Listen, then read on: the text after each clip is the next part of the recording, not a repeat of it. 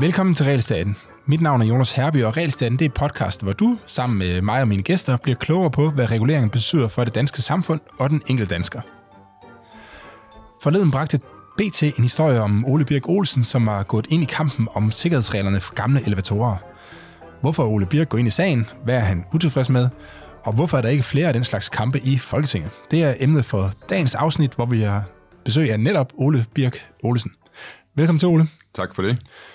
Ole, jeg tænker ikke, at du kræver nogen øh, nærmere introduktion for lytterne, så lad os bare springe direkte til spørgsmålene. Øh, og jeg vil godt starte et lidt andet sted, end, øh, end det, jeg startede med introen med. Øh, og det er, om du kender det begreb, der hedder koncentrerede fordele og spredte omkostninger. Ja, det øh, lærte jeg om, da jeg startede på øh, statskundskab i 1992. Det var jo et studie, jeg ikke gennemførte, fordi jeg fandt ud af, at jeg hellere skulle være journalist. Men ikke desto mindre så noget af det, der satte sig i min hjerne, det var en tekst øh, skrevet af Ole P. Christensen om øh, asymmetritesen. Og den beskriver den her asymmetri, der er mellem, at når man laver en regulering, eller en skat, eller en udgift, at så kan øh, fordelene være koncentreret om nogle få, som derfor har meget store interesser i det, mens ulemperne kan være spredt på mange, som derfor ikke gider gå op i det. Lige præcis. Det, øh, det var nærmest et 12-tal, det der jo. Så man kan sige, pointen er i virkeligheden, at øh, hvis der er en lille gruppe, som kan indføre nogle regler, som begunstiger dem selv med 60 millioner kroner eller 120 millioner kroner, jamen så vil danskerne ikke kæmpe imod, for det er jo kun 10-20 kroner per dansker. Hvem gider at begynde at skrive læserbrev og sådan noget for, for 10-20 kroner? Præcis. Øh, og dermed så kan den regel ende med at gå igennem Folketinget, hvis de formår så overbevise politikerne, eller flertal af politikerne, eller har de rette kanaler at komme igennem med, øh, selvom reglen måske er til skade, samlet set er til skade for, for samfundet. Øh, Christian Bjørnskov, han skrev i en, øh, en artikel i Libertas, som jeg lige linker til i show notes, at øh, en af myterne om dansk demokrati er, at man taler om tingene og hører alle interesserede parter. Public choice-forskere indså dog tidligt, at netop den type tradition, som danske institutioner bygger på, kan være stærkt problematisk. Problemet er, at ikke alle interesser, ikke engang alle relevante interesser, er organiseret, og hvis de ikke er organiseret, bliver de ikke hørt.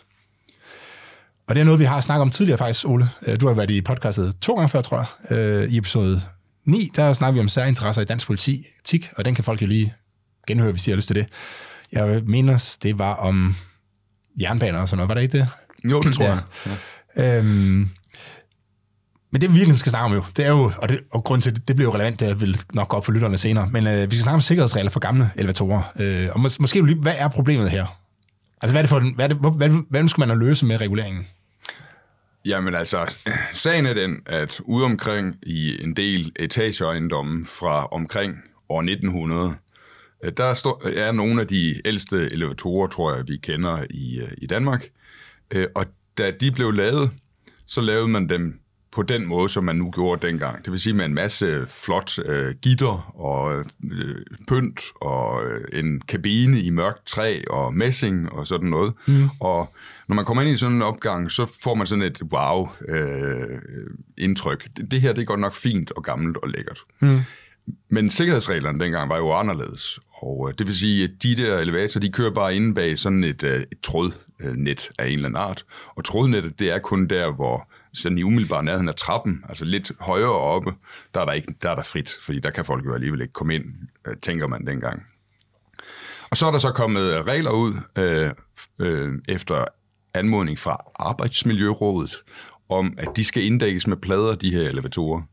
Og øh, der er rigtig mange, der har sådan nogle elevatorer, herunder jeg selv, mm. i den opgang, jeg bor i, som ikke synes, at charmen for sådan en gammel elevator kan bevares, hvis den skal være inde bag nogle plader, som godt nok gerne må være perforeret, men som alligevel ikke tillader den samme øh, udsyn, og, og at man kan se elevatoren, der kører op og ned på samme måde, som man kan i den indretning, der er i dag.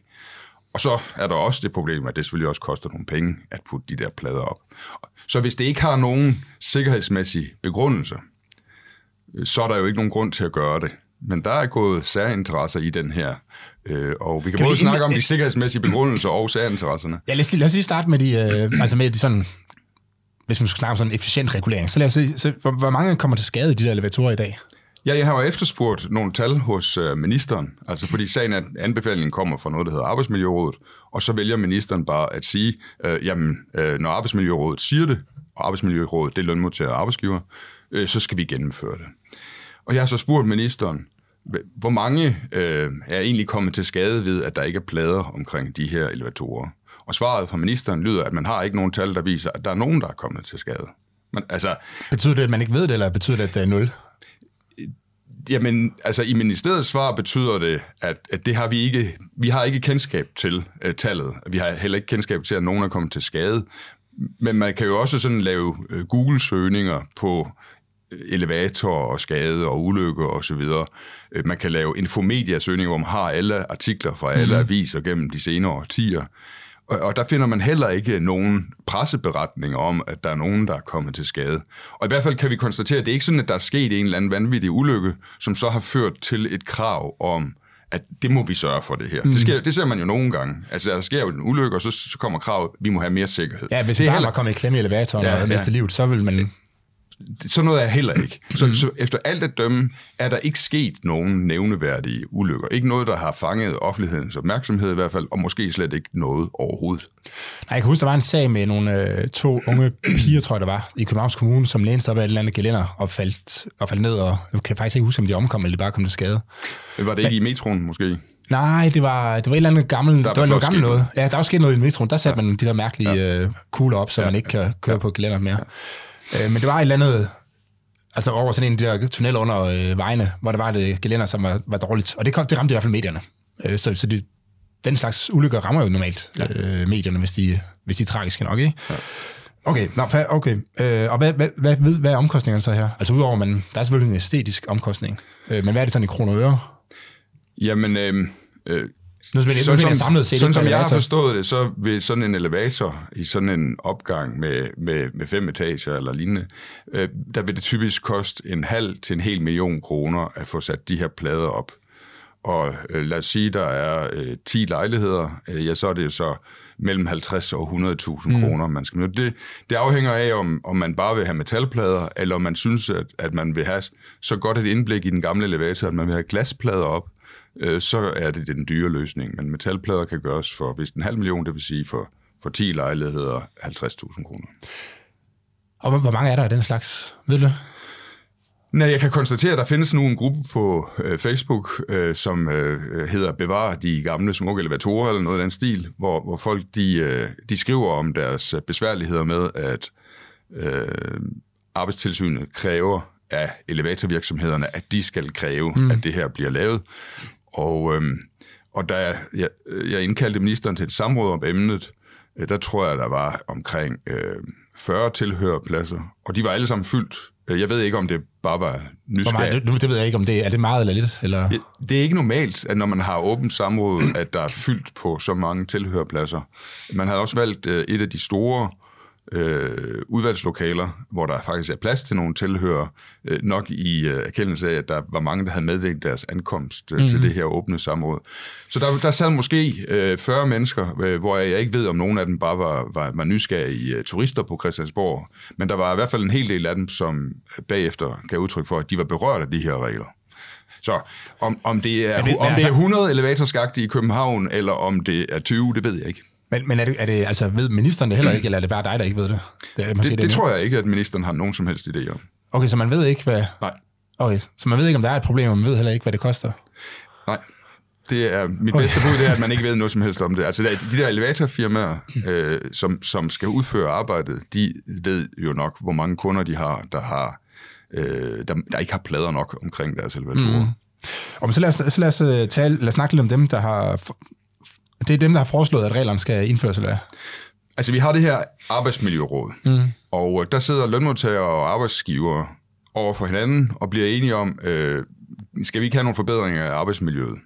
Og, og det kan man sige, måske er det en god konstruktion, øh, hvis nu øh, det er dem i fællesskab, der også bærer omkostningen ved det forbedrede arbejdsmiljø. Så, så holder de vel lidt igen og, og kræver ikke bare ting, der ikke har stor betydning, men koster vildt meget, mm. fordi de er sammen om at bære omkostningen. Øhm, men i det her tilfælde, der har, kan man forestille sig, at arbejdsgiverne, som, har med, som ejer elevatorvirksomhederne, og dem, der arbejder for elevatorvirksomhederne, de har talt med, med hver deres respektive brancheorganisation, og, øh, og, og bedt om at få den her regel ændret, selvom det ikke har noget med deres arbejdsmiljø at gøre, men alene har noget med Nej, det er ikke dem, der kører elevatoren, kan man Nej, sige. altså når de, ar- når de arbejder på elevatoren, så er den jo slukket. Ja. Og at- så kører den ikke op og ned, og derfor er det ligegyldigt, om den er tildækket eller ej. De stikker ikke hånden ind i en kørende elevator. Så det handler slet ikke om arbejdsmiljø i det her. De har bare besluttet med sig selv, at det kunne da være til synligheden en rar opgave at få. At, at øh, hvis nu der er lidt lavvande i, øh, altså der er ikke så mange opgaver i elevatorbranchen, så kan både lønmodtagere og arbejdsgiver i elevatorbranchen, hvis de kan få igennem arbejdsmiljørådet, at, øh, de skal sætte plader op på alle elevatorerne, så har de jo de opgaver, så kan de tjene de penge, også selvom det ikke har noget med arbejdsmiljø at gøre. Og så er den, så er den øh, praksis sådan, at når arbejdsmiljørådet siger noget, øh, så siger ministeren bare, nå okay, jamen så gennemfører vi det. Mm. Jeg, jeg vil også, øh, altså, man sidder jo også og tænker, at dem, der bruger elevatoren, det er jo dem, der bor i ejendommen. Og øh, hvis man har en, lad os sige, man køber et hus, og der er en, øh, et legetårn oven på nogle fliser, så vil man, hvis man er små børn, nok tænke sådan, det er ikke specielt smart. Jeg må hellere ja. skifte det underlag ud, ja. fordi at man bekymrer sig om sin egen sikkerhed. Ja. Øh, også selvom der ikke er nogen regler. Ja. Øh, og det er vel det samme her, ikke? At hvis man siger, at omkostningerne er... Øh, altså hvis der er risikoen for at komme til skade er meget stor i forhold til ja. omkostningerne ved at, at rette op på, øh, på faren, så, så vil man jo... Så vil, så vil den lille forening vil selv gøre det, hvor der måske er 20 øh, lejligheder og sådan noget. Så, så der, der er vel ikke engang noget sådan rigtig godt argument for at regulere det her. Der kommer selvfølgelig også fremmede mennesker i det, altså postbud og sådan noget i... Altså, i- Ja, postbud kommer ikke engang mere. i Der elevatoren. er jo i de der elevatoropgange både børn og børnebørn, øh, som, øh, som eventuelt ville kunne komme til skade, hvis man frygtede det. Øh, men, men, men de har altså ikke selv valgt at gøre det. Og det er også fordi, altså risik, der er det der trådnet, mm. og du kan ikke få en barnhånd igennem det der trådnet.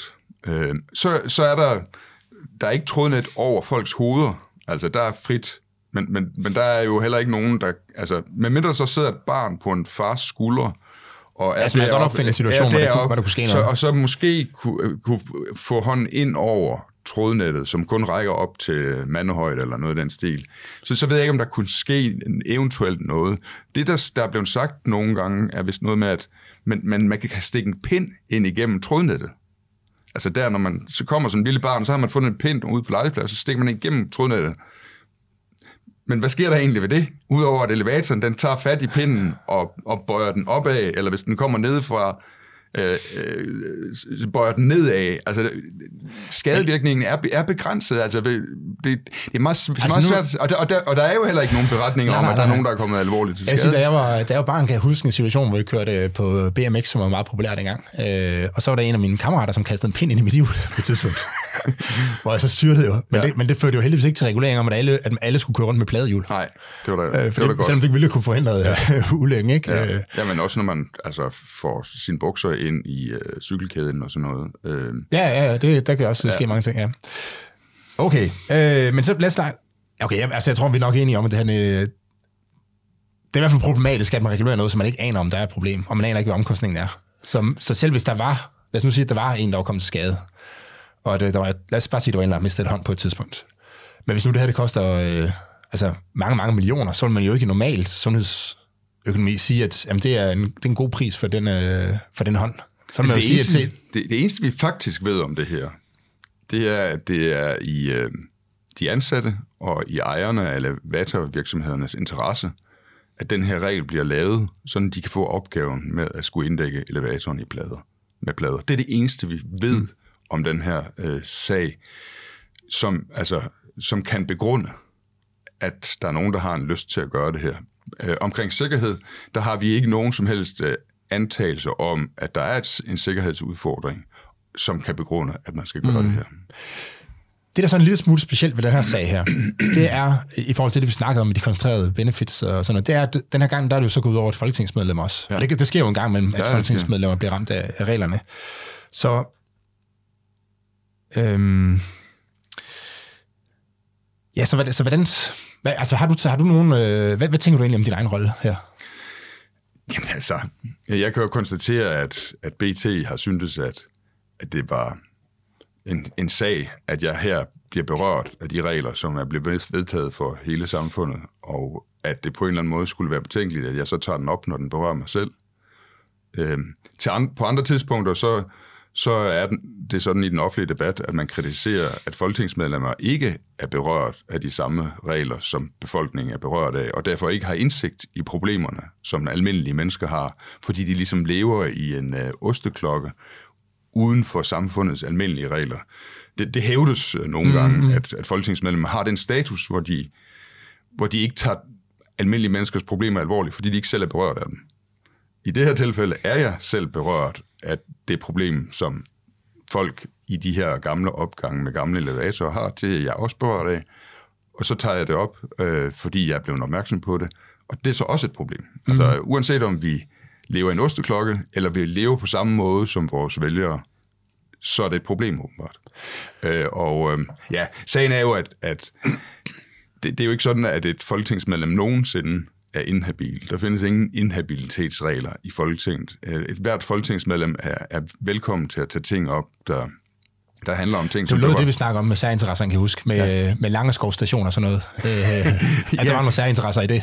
Altså man kan, man kan som folketingsmedlem øh, på valg på Fyn øh, beslutte sig for, at der skal være en Langeskov station, øh, til trods for, at økonomien i projektet tilsiger, at man ikke burde gøre det, fordi at folk skal vente, der er mange flere mennesker, der skal vente i toget, øh, på at det skal stoppe på Langeskov station, mm. end der er folk, der har gavn af, at de kan stå af og på på Langeskov station. Mm, ja. Og, og derfor burde man ikke gøre det, men, men, men folketingsmedlemmer, som selv måtte være berørt af det, øh, fordi de bor på Fyn, og måske endda også i nærheden af Langeskov station, kan, må gerne tage det op og kæmpe mm. for det. Jamen, jeg synes, altså, den sag her øh, er jo sådan lidt en, et eksempel på, at altså, den her var jo kørt igennem uden problemer. Øh, og det gør den måske også alligevel. Øh, men der er trods alt lidt problemer, fordi at den her, de her koncentrerede benefits, som vi snakker om, som der er i arbejdsmiljø, var det rådet, det hed? Arbejdsmiljørådet, ja. Arbejdsmiljørådet, ja. At øh, lige pludselig så er de, mødt, så er de stødt imod noget, altså en anden hvad skal man sige, sådan organiseret. Øh, det er det jo så ikke helt, det er jo bare dig, ikke? Øh, men, men du kunne godt være repræsentant for den, for den Facebook-gruppen. elevatorforening, ikke? Ja, og så Facebook-gruppen også. Ja. Ja, men, men, øh, men i virkeligheden, så burde der bare være mange flere af den slags i, øh, altså i Folketinget. Altså mange flere gange, hvor, hvor der er politikere berørte deres egne øh, regler. Ikke? Altså, når man, nu har jeg været en del involveret i det der campingreglement på det seneste. Men hvis der nu var en politiker, der boede, altså der gerne ville bo hele års camping, og som så var berørt af den regel, der, så ville man måske få en bedre debat om det, og, få- og være mere opmærksom på, at det her, det rammer faktisk folk, som... Øh, altså, så måske skulle man lave nogle regler, som er mindre indgribende i folks liv, end, øh, end det, I har lagt op til. Ja, men altså, der er jo tilfældigheder, altså, der er jo tilfældigheder i politik, og der er tilfæ- tilfældigheder i den offentlige debat.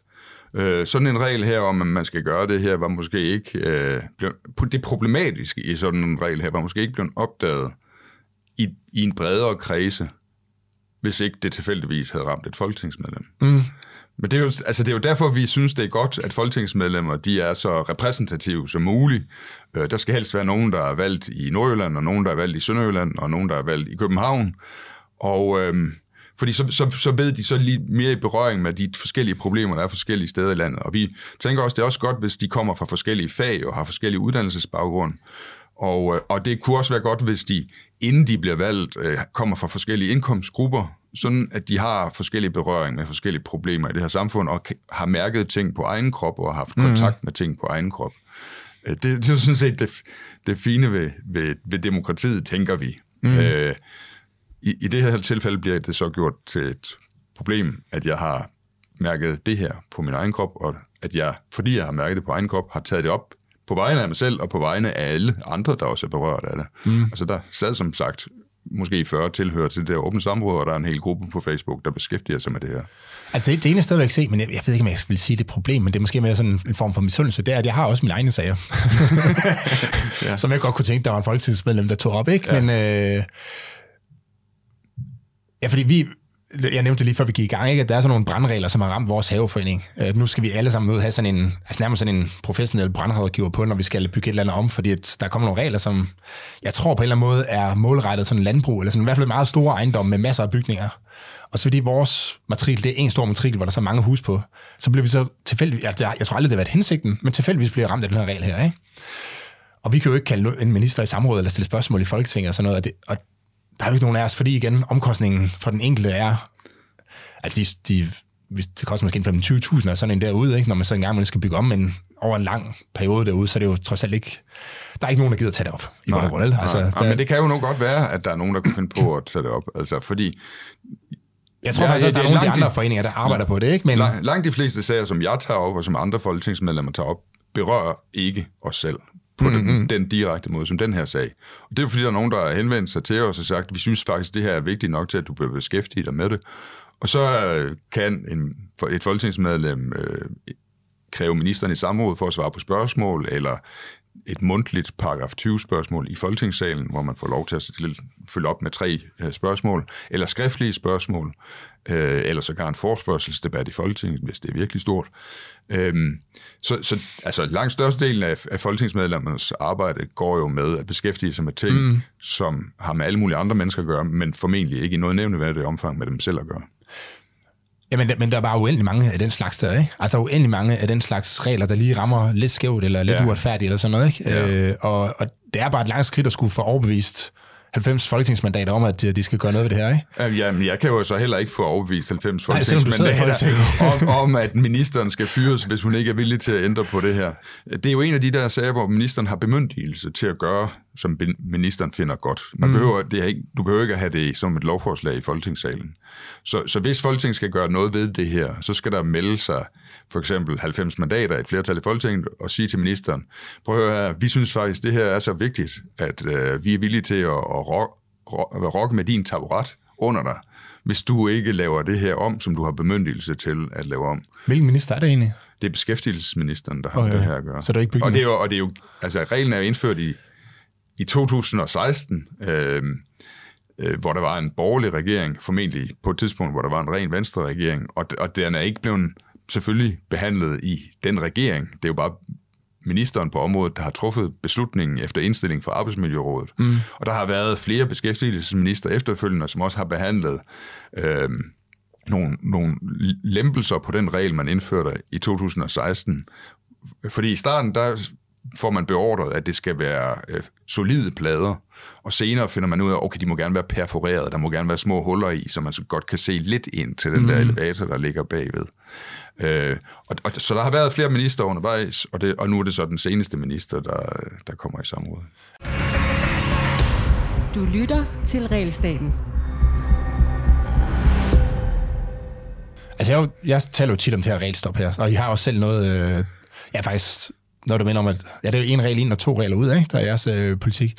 Og noget af det, jeg godt kunne tænke mig, eller noget af det, jeg, som man ligesom kan se, det har ført til i, sådan, i øh, British Columbia, altså de steder, hvor man har prøvet det, det er jo det der med, at man får, altså i stedet for hele tiden at finde nye regler, så begynder man at så interessere sig for de regler, der nu engang eksisterer, ikke? og sige sådan lidt, okay, vi skal, vi skal fjerne nogle regler. Øh, det er ligesom en del af vores øh, regelstop, eller vores regel, dereguleringsprojekt. Øh, så hvad for nogen skal vi fjerne? Og så begynder man at kigge efter dem, som, giver, som ikke giver mening. Og det er, det er jo en af de ting, som man så vil håbe under sådan et regelstop.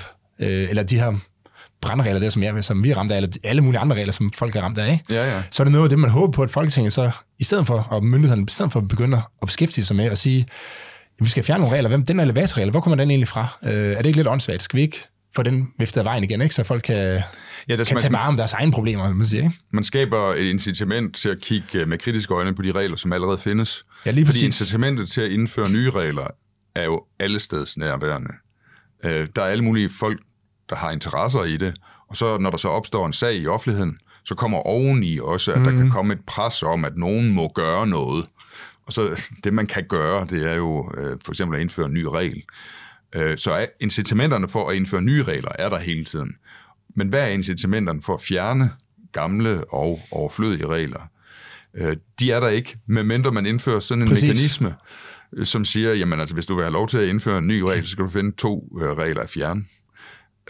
Så kan man få lyst til at, at, at gøre en indsats for at finde ud af, hvor de overflødige regler Ja, så vil de lige pludselig og sige, hvad, hvad var det egentlig, du sagde dengang der, Ole? Ja.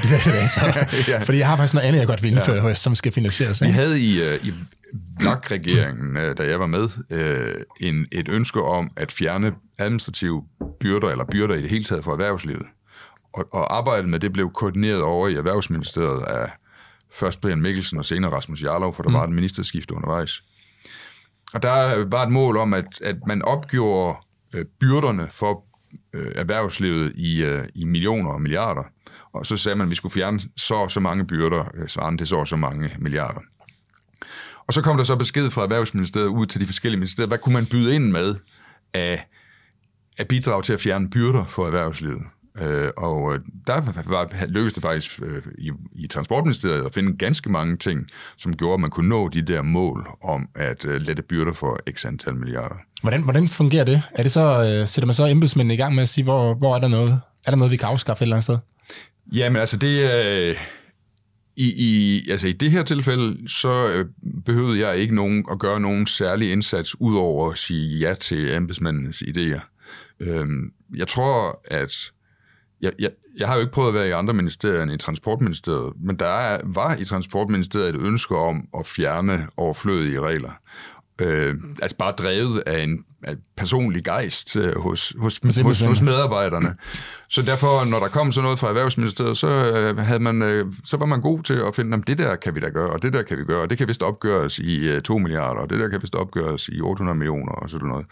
Øh, og så, øh, og så, så kom forslagen til mig på, på, på ministerbordet, og så vidste de jo godt, at jeg havde jo ikke noget mod at fjerne overflødige regler, mm-hmm. så, så, det, så det blev gennemført. Ja, da vi lavede vores sidste opgørelse af realmængden, der, øh, der bestemte vi på, at Søfartsstyrelsen har lavet en meget stor korrektion i, hvordan de ligesom opgjorde de her regler her, øh, som, vi jo, som vi brugte noget tid på ligesom at få korrigeret bagud i tid, også sådan at det blev sammenligneligt over tid. Og der snakkede jeg med en, øh, ja, hvad hedder sådan en, altså en, øh, en person i Søfartsstyrelsen, øh, som sad med et eller andet regelsæt, og fordi jeg har altid, indtil da tror jeg altid, at jeg tænkte lidt, okay, regelstop, det, altså hvordan, hvordan pokker fungerer det her i praksis? Altså hvordan får man overblik over de der, alle de der regler der?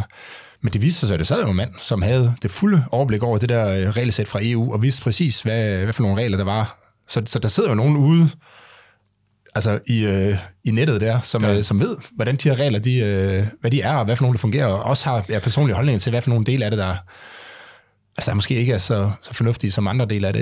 Ikke? Øh, så, så, så da jeg, efter jeg snakkede med ham, der blev jeg meget mere, fik jeg meget mere ro i maven på, at det kan faktisk godt lade sig gøre, og nu giver du så endnu mere øh, ro i maven, ikke? for der sidder, altså embedsmændene har jo overblikket. Ikke, ikke, der er ikke nogen, der har det samlede overblik, men der er nogen, der har overblik over hver enkelt lille del af, ja. det samlede lovkompleks. Ja. Da jeg tiltrådte som minister, der øh, havde jeg en ambition om, at for jeg vidste ikke, hvor lang tid jeg ville ende med at være minister. Mm. Så jeg ville gerne kunne sige, at når jeg stoppede, at så havde jeg gjort en, en forskel på den faktiske lovgivning. Mm. Og derfor... Det, det må jeg lige anbefale, det dit interview med Simon Emil øh, ja. i, øh, hvad hedder, ministertid, er det ja. ikke det, der Ja, det er faktisk rigtig, rigtig godt. Det kan ja. også lige linke til i show notes. Ja. Jeg øh, ansatte derfor blandt andet en særlig rådgiver, som havde erfaring som embedsmand i både øh, statsministeriet og finansministeriet. Øh, fordi jeg havde brug for en en, en særlig rådgiver, som ligesom kunne tænke og, og, og udføre og undersøge politik, når jeg ikke havde tid til det, mm. fordi jeg skulle løbe rundt alle mulige steder, ned i Folketingssalen og til samråd og sådan noget. Og øh, han afholdt møder med jævne mellemrum med de forskellige kontorer i Transportministeriet, for at høre, hvad, lig, hvad har I liggende i skufferne, og hvad har I af idéer til, at vi kan gøre tingene nemmere og bedre for danskerne. Og, og ud af den proces kom øh, flere ting og sager. Øh, jeg, jeg kan sådan på så stor afstand ikke helt huske, om det øh, præcist var, var et resultat af de her møder, han holdt. Men, men jeg tror, at så for eksempel sådan noget med, at øh, vi lovliggjorde øh, små elektriske fartøjer på cykelstierne, at vi gjorde det tilladt at køre med skateboard øh, uden for baner, øh, at vi... Øh, liberaliserede fjernbusreglerne i Danmark mm. osv. Jeg, jeg tror, at sådan noget der var et, et produkt af de møder, som blev holdt med de forskellige kontorer om, hvad man kunne gøre for at forfølge den dagsorden, som jeg som minister havde for at gøre tingene øh, nemmere og friere og mere dynamiske ved, at vi øh, simplificerede lovgivningen eller fjernede reglerne.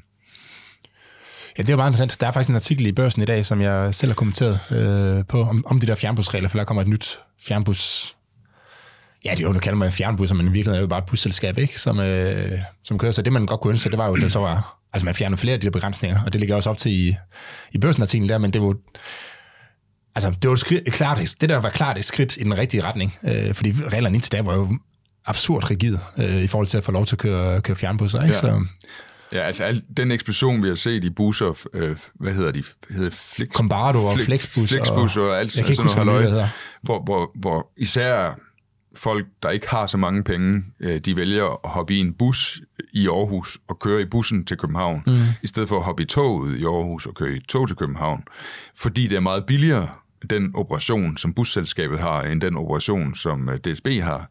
Øh, at, at det er jo et produkt af, at vi fik øh, liberaliseret øh, en masse regler.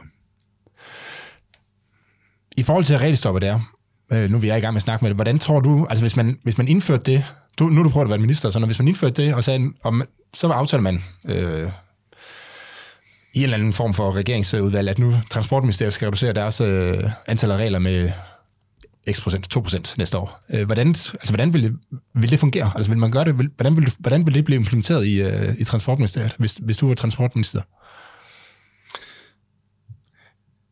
Lad os bare sige, ja. nu kan man finde ud, jeg har en idé til, hvordan man tæller regler og sådan noget, ikke? så det har man ligesom gjort, øh, gjort klar. Men man vil, det vil jo være nødvendigt, tror jeg, også at gå politisk til det. Jeg tror ikke bare, man uden politiske konsekvenser kan fjerne så mange regler løbende. Altså, du bliver nødt til at overveje, det som vi gjorde politisk her, for, for at leve op til ønsket om færre regler, bliver vi nødt til at have en anden politik. Mm. Vi bliver nødt til, det som vi mente skulle reguleres med de politiske holdninger, vi havde, det bliver, der bliver vi nødt til at tage nogle andre politiske holdninger, som tillader, at vi fjerner regler. Mm. Fordi det meste af den regelproduktion, der er, øh, kommer ud af, at der er et flertal i Folketinget, der ønsker at styre mere. Mm-hmm. Øh, så hvis flertallet i Folketinget ikke er beredvilligt til at lade være med at styre så meget, så tror jeg, man får udfordringer med at fjerne øh, så mange regler løbende. Ja, så det kræver også, altså det er ikke bare sådan en administrativ øvelse, det vil også kræve, at man siger, det her, det må, det må folk selv finde ud af, hvad de ønsker på det område. Ja. Det skal vi ikke bestemme. Lad os bare tage en, en meget lille ting. Øhm, inden, jeg, inden jeg blev, jeg var også minister for bygninger, for mm. bygningsreglementet. Og inden jeg blev minister... Det er en fest, det er et festfyreri af ja, ja. tåbelige regler. Inden jeg, inden jeg blev minister for det område, der havde jeg set mig sur på en regel, fordi der havde været beretninger i pressen om det, om at øh, der var nogle mennesker i nogle nye hus, der skulle lave deres terrasser om, sådan at terrasserne, de, de lå med et spring fra terrassen op til terrassedøren på mere end 15 cm. Ja, ja, det er niveaufri adgang til... Ja, ja. Og, og, og bygningsreglement kræver, kræver niveaufri adgang til indgangsdør til huset. Og det vil sige, at den terrasse, som var blevet anlagt, den skulle pludselig fjernes igen, og der skulle lægges sand ud, så, så terrassen blev løftet op, så der ikke var mere end 15 cm ind i huset. Mm. Den, den regel så jeg mig sur på, øh, inden jeg blev minister, og da jeg så blev minister, så fik jeg at vide øh, at departementchefen, jamen det kan du bare lave om. Det er, en bekendt, det er bare ved bekendtgørelse, det er din bemyndigelse som minister at lave det der om. Øh, men reglen var der jo af en, af en grund. Ja, ja. Det, der var nogle mennesker på et tidspunkt, der sagde, jamen hvis folk i kørestol skal have nemt ved at komme ind i husene rundt omkring, så at, vil det være godt, hvis vi laver en regel om, at der ikke må være niveauspring fra, ud fra hovedtrappen eller fra terrassen og ind i huset. Men jeg tænkte bare, jo jo, men så lad os da øh, indrette husene med ramper og så videre, hvis der bor en med kørestol. Altså alle de mennesker, som ikke kører i kørestol, de har jo ikke behov for sådan en regel. Nej, nej. Øh, og for dem, altså for eksempel, altså det med at hæve huset fra terræn, altså have et, at man skal træde op af nogle trin for at gå ind i huset, er jo faktisk en god ting, hvis man, hvis man er bekymret for stormflod og, øh, hvad hedder sådan noget, når, når, når regnen styrter ned, øh, styrtregn. Øh, ja, ja, ja, der, det hedder en... Oversvømmelser i hvert fald. Ja, nej. Hvis, man, hvis, ja, man, hvis der kommer meget vand... Skybrud, skybrud, skybrud hedder ja, det. Yes, yes. Uh, det er jo, så er det jo faktisk en udfordring, at huset ligger nede uh, på, um, på, på jorden, mm. og vandet bare kan løbe ind af hoveddøren. Øh, og så, det kan man så løse ved at lave en rampe op, men det koster øh, 15.000 kroner per dør eller sådan noget. At hvis du har et hus, der, der ligger på en høj sokkel, og så skulle lave rampe ind, det koster måske 15.000 kroner per dør. Og det også, meget ofte vil det også være upraktisk. Ja. Så det, det vil jeg gerne ændre.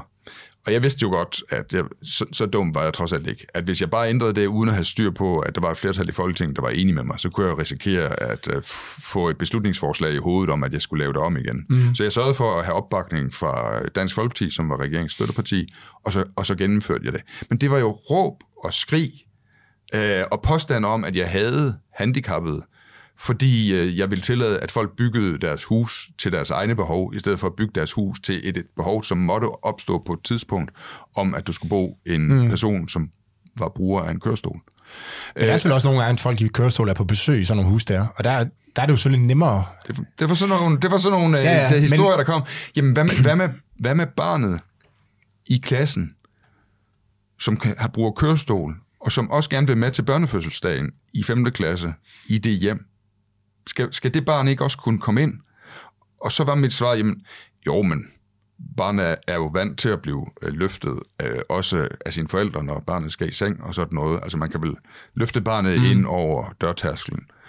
Øh, og, så no, og så kom så nogle påstande om, at det var uværdigt. Det er uværdigt for et øh, barn med et bevægelseshandicap i en kørestol at blive løftet ind over dørtærskelen i en kammerats hjem. Så, så der var jo alle mulige påstande om, hvor for, for, forfærdeligt et menneske jeg var det, for de handicappede, fordi jeg gerne ville fjerne den her regel. Men det var super interessant, ikke? Fordi det er jo en, øh, altså, det, det viser jo netop, at der er forskellige politik, ikke? Altså det der med at sige, er det her noget, staten skal løse, eller er det noget, civilsamfundet skal løse? Ja, ja. Og din holdning var jo så, at det må civilsamfundet løse. Altså hvis der er en handicappet, selvfølgelig skal man tage hensyn til handicappet. Det, altså, det mener langt de fleste i hvert fald. Det ja. Jeg vil nu ikke sige alle, for det, der er sikkert nogen derude, der ikke mener ikke, men det er i hvert fald en, en god liberal og borgerlig meget, tanke. meget få mennesker, der mener, ja, at men man det, ikke skal... det er en god liberal og borgerlig tanke, ja, at, man ja. skal også, at man skal tage sig af dem, der har behov for hjælp. Ja. Og, øh, og selvfølgelig skal ham der øh, hjælpes, og, øh, og det kan, hvis, man, altså hvis man synes, at det er uværdigt, så kan man jo godt gå ud og så finde, jeg køber lige en træplade til den fødselsdag der, så han selv kan køre ind. Det vil man nok ikke gøre, fordi så uværdigt, altså man kan jo bare hive ham op. Og, og uanset hvad, så løser det jo ikke alt. Altså der er masser af gamle huse, som ikke har det der. Men, øh. men eksemplet viser jo bare, ja, og, og altså, der er, også, der er ikke noget krav om, altså det er, når du kommer til hoveddøren, at man skal have niveaufri adgang. Mm. Der er ikke noget krav om, at der skal være niveaufri adgang ude på selve grunden. Det vil sige, der kan være alle mulige trapper ude på selve grunden, og skråninger, og mudder, skrænte og så videre. Ja. Det er først, når du kommer til hoveddøren, der skal være niveaufri adgang. Nå, men, men sagen viser bare, at det med at fjerne regler, jo også ofte kræver en anden politisk indstilling til det at mm. have regler. Fordi øh, det røde flertal i Folketinget dengang var meget overbevist om, at det var det politisk rigtige at have sådan en regel. Mm-hmm. Mens øh, jeg og min regering og Dansk Folkeparti syntes, at omkostningerne ved den her regel var for store i forhold til gevinsterne, og derfor politisk mente, at den kunne afskaffes. Mm. Du, det, det er ikke en gratis, politisk gratis omgang bare at fjerne regler. Det, der kan være politik involveret. Ja, det, jeg underholder tit med nogle af de her regler om, øh, altså der er sådan nogle regler i bygningsreglementet for, hvor store vinduerne skal være i et rum, og øh, også hvor stor lofthøjden skal være i øh, etagebyggeri. Og det er jo, som jeg opfatter de regler så er det fordi dem, der på en eller anden måde har argumenteret for, at reglerne skal være der på et tidspunkt, de har simpelthen ikke tillid til konkurrence. Altså, de, de har ikke tillid til, at borgerne selv kan løse det her problem. Fordi hvis... Og det, og, altså, jeg tror, det er den der historie, som man nogle gange hører, at øh, når, hvis, øh, hvis ikke man havde de her regler her, så ville øh, dem, de der profitmaksimerende bygherrer bare bygge øh, huse uden vinduer, eller med meget, meget små vinduer, og var det meget, meget lavt til loftet. Men de glemmer bare, at det, hvis man er profitmaksimerende, så bygger man ikke sådan nogle hus, fordi så kan man jo ikke sælge. Man jo bygget nogle huse, der er lækre for beboerne, ikke? Øh. Jeg tror, jeg tror, deres problem... Jeg tror da godt, de ved, at der er de fleste borgere vil ønske, øh, ønske at betale for, at der er lidt højere til loftet, end at det hænger lige nede over hovedet på folk, og at der er nogle flere vinduer. Det er de fleste villige mm. til at betale for, og derfor vil det meste byggeri være sådan.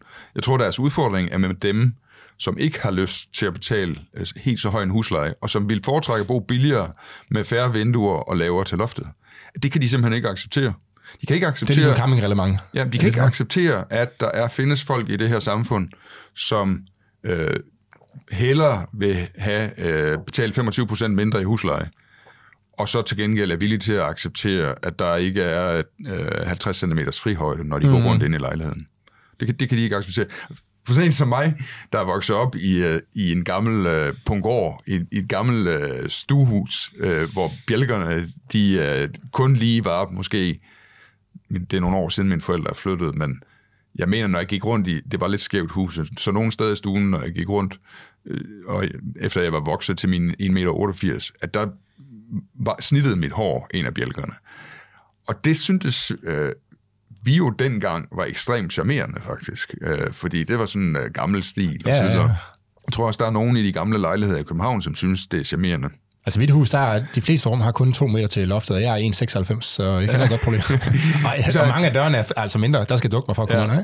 Men der er der altså den her øh, ting om, at øh, ja, jamen, hvis det, det, er ikke, det er ikke i orden, at folk ikke øh, bor nogen steder, hvor forholdene mm. er sådan, som vi gerne vil bo i. De skal øh, bo under de samme forhold, som vi stiller som minimumskrav i vores egne mm. hjem, og så, så må de bare betale for det. Altså, vi kan ikke acceptere, at folk bor øh, uden en loftshøjde, der er øh, et, eller andet, et eller andet over hovedet. ja. Ja, det, det understreger nok bare, at øh, det er ikke tilfældigt, at den her idé om, om regelstop og sådan noget, det er, at den er opstået på, på en borgerlig fløj. Øh, fordi det, det er jo der, man ligesom tænker, at det må folk... Ja, så nu, nu, nu er det måske meget til stereotypt, det vil sige. Det, nu vil jeg ikke... Jeg tror ikke engang, du kan, du, du, jeg tror ikke, du kan bruge øh, den der brede betegnelse borgerlig her. Fordi jeg tror, du kan finde masser af folk, der kalder sig selv konservative, som er enige i, at vi må altså sætte nogle standarder for det her samfund. Mm. Vi kan ikke have, at Nej, folk... jeg hørte faktisk hans enkelte udtalelse, noget lignende i den der, om campingreglementet. Ja. Øh, Og, og, og at, at øh, vi kan ikke øh, have, at der er folk, der bor øh, under forhold, øh, som øh, vi ikke finder i orden. Mm. Og når man siger, jamen de vil jo gerne spare de penge, jamen så må vi, øh, det, det kan vi ikke acceptere i det her samfund. Altså sådan noget føle-føle-argumenter findes jo også hos folk, der kalder sig konservative. mm.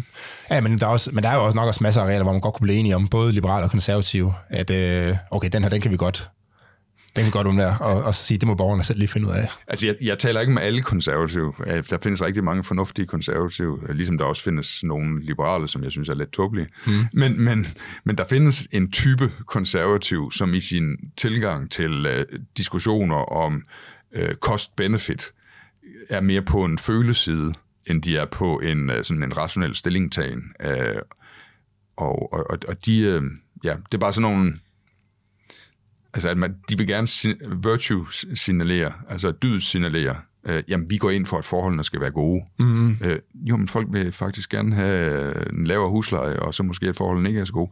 Jamen altså, jeg er sådan et fint menneske. Jeg går ind for, at forholdene skal være gode. Så nogle konservative findes. Men ikke alle konservative.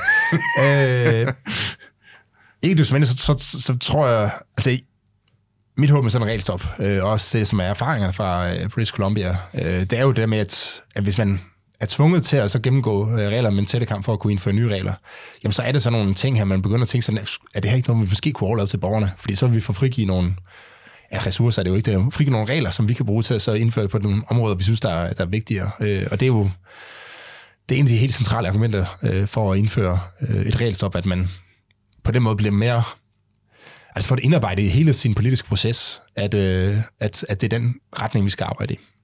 Ja. Ole, tak fordi du vil deltage øh, i dag. Tak fordi jeg måtte.